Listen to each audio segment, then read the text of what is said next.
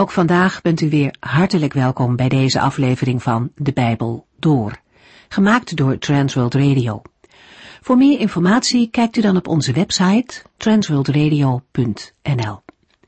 In deze serie gaat u in vijf jaar tijd met ons de Bijbel door, van Genesis 1 tot en met het laatste vers in Openbaring 22.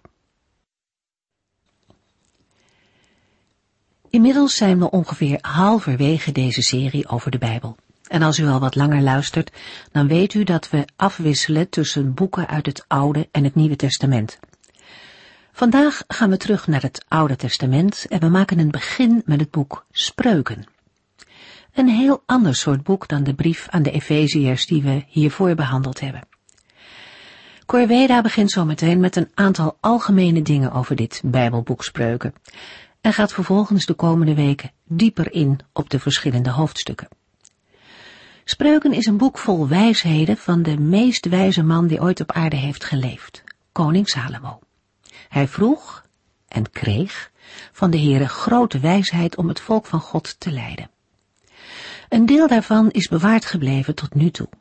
En verrassend genoeg bevatten deze spreuken ook voor ons, mensen uit een hele andere tijd en cultuur, levenswijsheid, waar we mee aan het werk kunnen. Het accent ligt op praktische wijsheid in de omgang met elkaar als mensen. Spreuken gaat niet zozeer in op de verzoening tussen God en de mens, maar op wat daarna komt. Hoe leef je als mens van God en hoe ga je met elkaar om? In dit boek gaat het erom hoe een gelovige die God wil dienen, moet leven.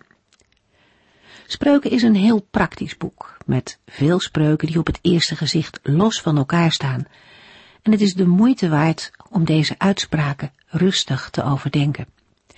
Elke dag één of misschien een paar spreuken lezen en overdenken is een mooie manier om het boek door te gaan. In dit programma is dat niet mogelijk, maar misschien heeft u zelf de gelegenheid om de komende tijd het hele Bijbelboek te lezen. En ik hoop dat dat samen met de achtergronden uit deze serie de Bijbel door een zegen voor u zal zijn. Wie het Bijbelboek Spreuken doorleest, kan dubbele gevoelens krijgen. Soms word je geraakt door indringende woorden van wijsheid, maar meermalen kan de samenhang tussen de zinnen je ontgaan. Ook kan een lezer zich erover verbazen dat sommige spreuken erg eenzijdig zijn of elkaar tegenspreken. De ene keer moet je de dwaas antwoorden naar zijn dwaasheid, en de andere keer moet je dat juist niet doen. Het Bijbelboek zelf benadrukt het grote belang van levenswijsheid. Maar het lijkt erop dat in onze tijd in de christelijke kerk of gemeente weinig aandacht aan die wijsheid wordt geschonken. Er is vaak verlegenheid met de korte, soms simpel aandoende uitspraken. De Hebreeuwse naam voor het Bijbelboek wordt in het algemeen vertaald met spreuken van Salomo. Het zijn de eerste twee woorden van het Bijbelboek. Het eerste woord staat in het enkelvoud en betekent spreuk of gelijkenis. De wijze koning Salomo is het grote voorbeeld van de Israëliet die spreuken gebruikt. In 1 Koningen 4 vers 29, 32 en 34 lezen we, God gaf Salomo grote wijsheid en veel begrip. Bovendien was hij een man met een brede belangstelling. Hij was de maker van 3000 gezegden en schreef in totaal 1005 liederen. En koningen van vele landen stuurden hun ambassadeurs naar hem toe om hem om raad te vragen. Met deze informatie hoeft het ons niet te verbazen dat het Bijbelboek de naam van Salomo draagt. In de Griekse vertaling van het Oude Testament, de Septuaginta, draagt het Bijbelboek de naam Spreuken of Gelijkenissen. In de Latijnse vertaling, de Vulgata, is dit Griekse woord weergegeven met proverbia, dat het beste kan worden vertaald met spreekwoorden. Daarbij gaat het om kernachtige woorden van wijsheid. Met betrekking tot de verschillende bronteksten moeten we zeggen dat de verschillen tussen de Hebreeuwse en Griekse overlevering vrij groot zijn. Wat zijn die verschillen? Als eerste is te noemen dat er onderling afwijkende verzen zijn. In de Hebreeuwse tekst van Spreuken 25 vers 14 staat, wolken en regen zonder wind zijn een man die zich roemt in een leugengave. Maar de Griekse vertaling heeft iemand die zich laat voorstaan op de vrijgevigheid die hij niet bezit, is als een veelbelovende wolkenpartij waaruit geen druppel regen valt. Een tweede verschil is dat de Griekse vertaling een langere tekst heeft. De Septuaginta telt ongeveer 130 spreuken meer en in 30 gevallen is er een versdeel toegevoegd. Een derde verschil is dat de rangschikking van de laatste hoofdstukken afwijkt. Ter verklaring van de verschillen zijn er globaal twee mogelijkheden. De eerste is dat de Septuaginta een belangrijke tekstgetuige is die in veel gevallen oorspronkelijker is dan de Hebreeuwse tekst. De tweede mogelijkheid is dat de Septuaginta nogal vrij met de traditie is omgegaan, waardoor de Hebreeuwse tekst de voorkeur verdient. Ter verdediging van de mening dat de Hebreeuwse tekst de voorkeur verdient boven de Septuaginta, zijn de volgende argumenten in te brengen. Uit tekstkritisch onderzoek is bekend dat de kortere lezing in het algemeen de beter is. Een latere uitbreiding wordt meestal waarschijnlijker geacht dan een weglating. De Hebreeuwse tekst is korter dan de Griekse, en alleen al daarom is het vermoedelijk een betere lezing. Een tweede regel van het tekstkritisch onderzoek is dat een moeilijke lezing meestal de betere is. De Hebreeuwse tekst is moeilijk, terwijl de Griekse verduidelijkend is. Daarom kan de Hebreeuwse tekst ook een betere zijn. Naast deze twee algemene argumenten zijn ook nog andere te noemen. De afwijkende rangschikking van de hoofdstukken 30 en 31 valt te verklaren uit het feit dat de Septuaginta deze hoofdstukken ziet als geschreven door Salomo. In de Hebreeuwse tekst zijn deze hoofdstukken afkomstig van andere schrijvers, namelijk Ageur en Lemuel. Daarbij zijn ze ook ingevoegd als bijlagen. De Septuaginta geeft deze passages een plaats tussen eerdere hoofdstukken. Daarmee lijkt het erop dat we met een harmonisatie te maken hebben. De prioriteit van de Hebreeuwse tekst wordt de laatste tijd ook onderstreept door de overeenkomsten met twee kleine fragmenten van het Bijbelboek Spreuken, die in Qumran zijn gevonden. Deze fragmenten laten geen grote verschillen met de Hebreeuwse tekst zien. Op grond van deze argumenten gaat onze voorkeur uit naar de Hebreeuwse tekst. Daarom ga ik bij de uitleg zoveel mogelijk uit van het Hebreeuws en niet van het Grieks uit de Septuaginta.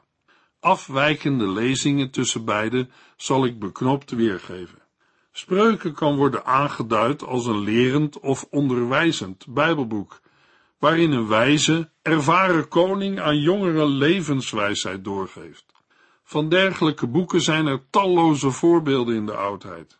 Er zijn formele overeenkomsten tussen spreuken en Oosterse didactische literatuur. Maar dat betekent niet dat de teksten inhoudelijk aan elkaar gelijk zijn. Hoewel in het verleden de overeenkomsten wel eens zijn benadrukt, wordt tegenwoordig breed erkend dat er grote inhoudelijke verschillen bestaan. Bijbeluitleggers erkennen in toenemende mate dat spreuken diepgaand doortrokken is van het geloof in de God van Israël, hoewel het verbond niet veel wordt genoemd. Na de spreuken van Salomo zijn, voor zover bekend, binnen de Joodse literatuur twee andere spreukencollecties geschreven. De eerste is afkomstig van Jezus, de zoon van Sirach, en heet Wijsheid van Jezus Sirach. Rond 180 voor Christus heeft hij in Jeruzalem zijn boek in het Hebreeuws geschreven en rond 132 voor Christus is het werk door zijn in Egypte verblijvende kleinzoon in het Grieks vertaald. De Griekse tekst is, net als spreuken, voorzien van een proloog. De tweede tekst is in de periode na 200 voor Christus in Egypte vervaardigd en heet Wijsheid van Salomo. Deze spreukencollectie is toegeschreven aan koning Salomo, maar dat lijkt een literair bedenksel te zijn. Het in het Grieks geschreven boek had tot doel de geloofsgenoten te wapenen tegen de buitenlandse invloeden die de Joden van die tijd bedreigden. Deze boeken zijn in de Septuaginta opgenomen en staan bij ons bekend als deuterocanonieke of apocryfe boeken. Er is een grote diversiteit aan standpunten over het auteurschap en de datering van het Bijbelboek Spreuken. Daarbij gaat het van een datering in de tijd van Salomo, in de tiende eeuw voor Christus, tot de Hellenistische of Griekse periode in de derde eeuw voor Christus. Ook treft men er tijdsverschillen aan. Sommige delen van het Bijbelboek zijn ouder en andere zijn later toegevoegd. De Joodse en christelijke traditie neemt aan dat het Bijbelboek Spreuken van de hand van Salomo is. De opvatting dat het hele Bijbelboek door Salomo is geschreven, treffen we in latere tijd aan in de kanttekeningen op de Statenvertaling. Men gaat er dan vanuit dat Agur en Lemuel andere namen voor Salomo kunnen zijn. Tot aan het begin van de 19e eeuw schrijven de meeste Bijbeluitleggers heel spreuken, behalve de laatste twee hoofdstukken, toe aan Salomo. Met betrekking tot de datering van de eindcompositie kunnen we zeggen dat op grond van spreuken 25 vers 1 we kunnen stellen dat deze eindcompositie van spreuken niet voor Hiskia kan hebben plaatsgevonden. Het is mogelijk dat spreuken 1 tot en met 24 tot stand kwam in de tiende of negende eeuw voor Christus, terwijl spreuken 25 tot en met 29 rond 700 voor Christus werd toegevoegd aan het hoofddeel. Wanneer de eindredacteur spreuken 30 en 31 toevoegde, is onbekend. Het moet uiteraard zijn geweest voor de afsluiting van de oud-testamentische kanon, uiterlijk in de derde of tweede eeuw voor Christus. Aangezien wij ervan uitgaan dat spreuken 31 door een koning uit Israël is geschreven, is een afsluiting van de eindcompositie voor 586 voor Christus aannemelijk. Met betrekking tot de hoofdstructuur van het Bijbelboek Spreuken ga ik uit van een structuur waarin spreuken 1 tot en met 24 wordt opgevat als eenheid en bestaat uit een proloog en een hoofddeel. Ook spreuken 25 tot en met 29 zie ik als een afzonderlijke eenheid. In de zoektocht naar de fijnere structuur van de verschillende delen van spreuken bestaat er in het oud-testamentische onderzoek geen eenstemmigheid, hoewel in de laatste jaren wel een tendens opkomt die de samenhang tussen de verschillende delen meer waarneemt. In de eerste negen hoofdstukken is de opbouw het eenvoudigst vast te stellen. Ter verduidelijking van de problematiek van de structuur van de verschillende delen, begin ik met een behandeling van de spreuk als de belangrijkste stijlvorm. Het boek Spreuken kent als stijlvorm een korte, kernachtige spreuk, die het karakter heeft van een spreekwoord of gelijkenis ook wel een leerzaam gedicht of leerdicht genoemd. Het woord kan vertaald worden met spreuk en gelijkenis. In Ezekiel 17 staat een voorbeeld van een spreuk in de vorm van een gelijkenis. Het is een langere tekst met een uitvoerig verhaal in de vorm van een gelijkenis over arenden en bomen. In die zin zullen we spreuken 1 vers 8 tot en met 19 moeten opvatten als een spreuk in de betekenis van een uitgebreide gelijkenis. Een ander voorbeeld is Psalm 78, de op één na langste psalm, die in zijn totaliteit als een leerzaam gedicht of leerdicht wordt aangeduid. Soms kunnen personen als Saul en Job tot een spreekwoord of een spreuk worden. Dat kan ook gelden voor een groep mensen als de Israëlieten. Bij personen of groepen wordt meestal met spreekwoord vertaald. Zij worden door dingen die hen overkomen of die ze doen, tot personen die, in dit geval, model staan voor iets verkeerds. Door een gelijkenis wordt aan anderen een voorbeeld voorgehouden en een les geleerd. Uit dit alles blijkt dat het Hebreeuwse woord voor spreuk een verzamelnaam is voor spreuken als spreekwoorden en gezegden, onderwijskundige liederen en gelijkenissen, psalmen en toespraken. Het gaat om het overdragen van wijsheid.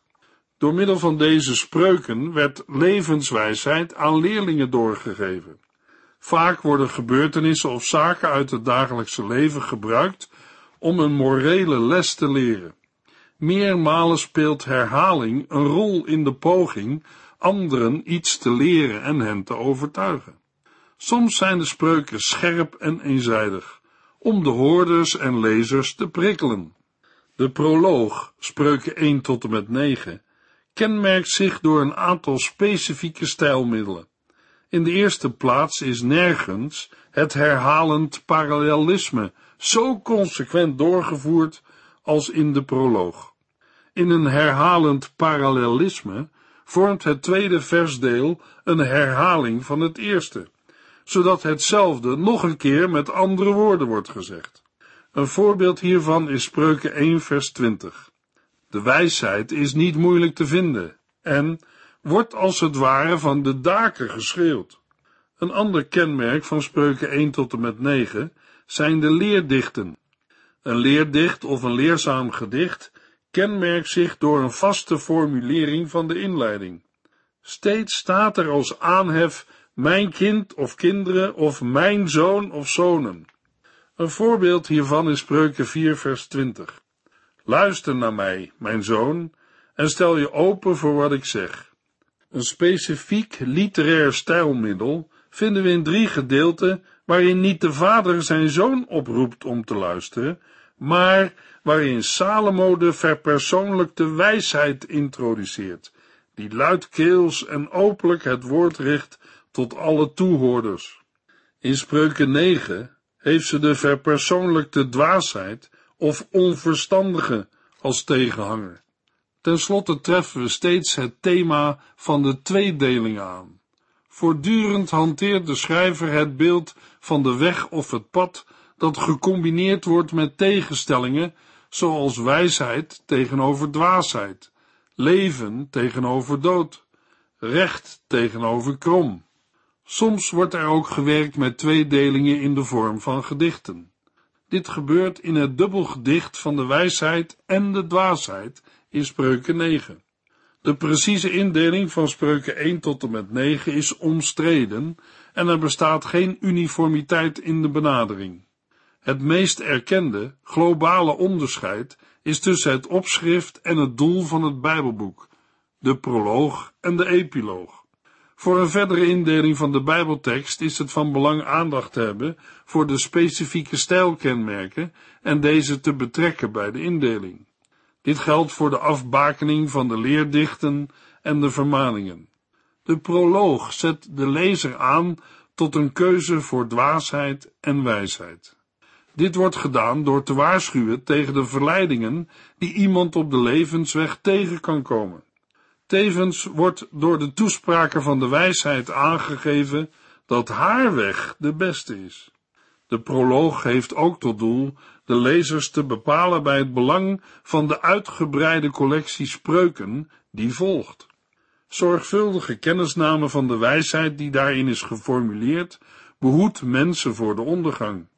Door te spreken over de hoge ouderdom van de wijsheid en door goddelijke trekken aan haar toe te kennen, wordt gecommuniceerd dat in haar de weg naar het leven is te vinden. Twee zaken ontvangen nadruk. Overspelige vrouwen die een jonge man proberen te verleiden en samenzweerders die hem trachten aan te zetten tot misdaad. Het zijn de meest verraderlijke verleidingen die jongeren op hun pad tegen kunnen komen. In het hoofddeel, spreuken 10 tot en met 31, worden nog veel meer gevaarlijke dingen beschreven. Spreuken 10 tot en met 31 verschilt in een aantal opzichten van de proloog. De eerste negen hoofdstukken worden gekenmerkt door het herhalend parallelisme, maar de hoofdstukken 10 tot en met 15 en 28 en 29 vooral door het tegengesteld parallelisme. Terwijl in de eerdere hoofdstukken tegenstellingen tot uiting werden gebracht op het niveau van verzen of in grotere delen van een gedicht, gebeurt dit in het hoofddeel in afzonderlijke spreuken. Een voorbeeld is spreuken 15 vers 2. Een verstandig mens weet zijn kennis goed te vertolken, maar de woorden van een zot zijn een bron van dwaasheid. Een andere stijlvorm is de gelijkenis, waarin de eerste helft iets uit het alledaagse leven wordt weergegeven, terwijl de tweede helft een morele uitspraak bevat. Een voorbeeld is Spreuken 26 vers 2. Zoals een mus wegfladdert en zoals een zwaluw vliegt, zo zweeft een ongegronde vervloeking weg. Hij komt niet uit. Nog een andere stijlvorm is de beter dan vergelijking, waarin een vergelijking tussen twee zaken het een als beter wordt beoordeeld dan het ander. Een voorbeeld is Spreuken 21 vers 9. Het is beter op een hoek van het platte dak te wonen dan in één huis met een ruziezoekende vrouw. Een andere regelmatig voorkomende stijlvorm is het raadsel. Daarbij moeten we bijvoorbeeld denken aan getallen en opsommingen in enkele spreuken van Ageur. Deze spreuken worden ingeleid met een schema van minstens twee opeenvolgende getallen, waarin een raadsel wordt gepresenteerd. Daarna volgt een oplossing door middel van een opsomming van een aantal zaken. We vinden er een voorbeeld van in Spreuken 30, vers 15 en 16. Het raadsel lezen we in vers 15. De bloedzuiger heeft twee dochters. Ze zijn onverzadigbaar en willen steeds meer. Drie dingen zijn absoluut niet te verzadigen. Voor de volgende vier dingen is het nooit genoeg. De oplossing van het raadsel lezen we in vers 16. Het graf, een onvruchtbare baarmoeder, de aarde die nooit genoeg water heeft en het vuur. Geen van die vier zegt ooit, nu is het genoeg. Als we nadenken of op zoek gaan naar een structuur of lijn in het Bijbelboek Spreuken, dan is het mogelijk een structuur te ontdekken in Spreuken 1 tot en met 9, maar problematisch in de andere hoofdstukken van het Bijbelboek. Dit komt omdat in de hoofdstukken 10 tot en met 29 en 30 en 31 vooral losse delen staan. In het recente onderzoek van het Oude Testament is discussie ontstaan over de vraag of er toch samenhangende delen zijn aan te wijzen. Het feit dat het onderzoek naar de structuur en samenhang van het Bijbelboek Spreuken nog sterk in ontwikkeling is, maakt duidelijk dat het niet eenvoudig is een samenhang te ontdekken of aan te wijzen. Een vorm van ordening is aanwijsbaar in de rangschikking van twee teksten in paren, waarbij twee spreuken ongeveer hetzelfde zeggen. We vinden daarvan een voorbeeld in spreuken 25 vers 16 en 17. Hebt u honing gevonden? Eet dan niet meer dan u lust, anders gaat het u misschien tegenstaan en spuugt u het weer uit. Loop bij uw naaste de deur niet plat, anders krijgt hij misschien genoeg van u en gaat u haten. Het belangrijkste ordeningsprincipe in spreuken 10 tot en met 29 is een verbondenheid in thema's. Daarbij is sprake van een groep van minimaal twee spreuken die over hetzelfde onderwerp spreken en vergelijkbare kernwoorden hebben. Daarbij moeten we bedenken dat deze spreuken wel met elkaar verbonden zijn, maar waarbij de logica van de volgorde voor ons niet altijd onmiddellijk is te begrijpen. Er is een associatie, een verbinding en een juiste volgorde, maar dat is in de bedoelde spreuken voor ons niet altijd helder. Ik geef een voorbeeld uit spreuken 26 vers 1 tot en met 12. In vers 1 lezen we, eer past net zo min bij een dwaas als sneeuw past bij de zomer en regen bij de oogsttijd. Of vers 3. De zweep is er voor het paard, het bit is er voor de ezel en de roe is er voor de rug van de dwaas. De overeenkomsten liggen in een vergelijkbare structuur en niet in de inhoud. In Spreuken 26 vers 3 zet de auteur van de spreuk de opsomming van Spreuken 26 vers 1 voort. Bij de uitleg van het Bijbelboek Spreuken houden we een indeling aan die gebaseerd is op inhoudelijke argumenten. Daarbij zullen we soms gebruik maken van het werk van vooraanstaande Bijbeluitleggers. Daarbij zien we de uitspraken van de wijzen in Spreuken 22 vers 17 tot en met 24 vers 34 als onderdeel van de collectie van Salomo. Daarmee worden de opschriften van Spreuken 22 vers 17, 24 vers 23 en Spreuken 10 vers 1 behandeld als subtitels. De woorden zijn dan door Salomo verzameld en ingebracht in zijn compositie van eigen spreuken. In veel Bijbelcommentaren wordt de theologie van het Bijbelboek Spreuken gezien als afwijkend ten opzichte van de meeste andere oud-testamentische Bijbelboeken, omdat zaken als Gods optreden tijdens de uittocht, het verbond en de rest van de geschiedenis van Israël ontbreken. Ook het aspect van de verlossing van een mens door de Here lijkt in eerste instantie afwezig in spreuken. Wel is er aandacht voor de Here als schepper. Hij zou een soort kosmische orde hebben geschapen, die op een min of meer autonome wijze bestaat. Een mens kan de door God gegeven wereldorde in hoge mate doorgronden. Daarmee is een positievere mensvisie gegeven dan bijvoorbeeld bij de profeten. Maar er kan ook op een andere manier met de theologie van het Bijbelboek Spreuken worden omgegaan. Een manier waarbij meer wordt gelet op de overeenkomsten met de andere Bijbelboeken van het Oude Testament. Bijvoorbeeld in relatie tot zegen en vloek van het verbond. Van belang is ook dat de wijsheid in Spreuken 1 met goddelijke autoriteit spreekt en mensen stelt voor de keuze tussen leven en dood. In spreuken ligt het accent op praktische levenswijsheid in het intermenselijke verkeer. Daarom is het niet zo verwonderlijk dat er geen afzonderlijke aandacht is voor de verlossing en het verbond met de Here, maar het verbond en de verlossing zijn wel verondersteld.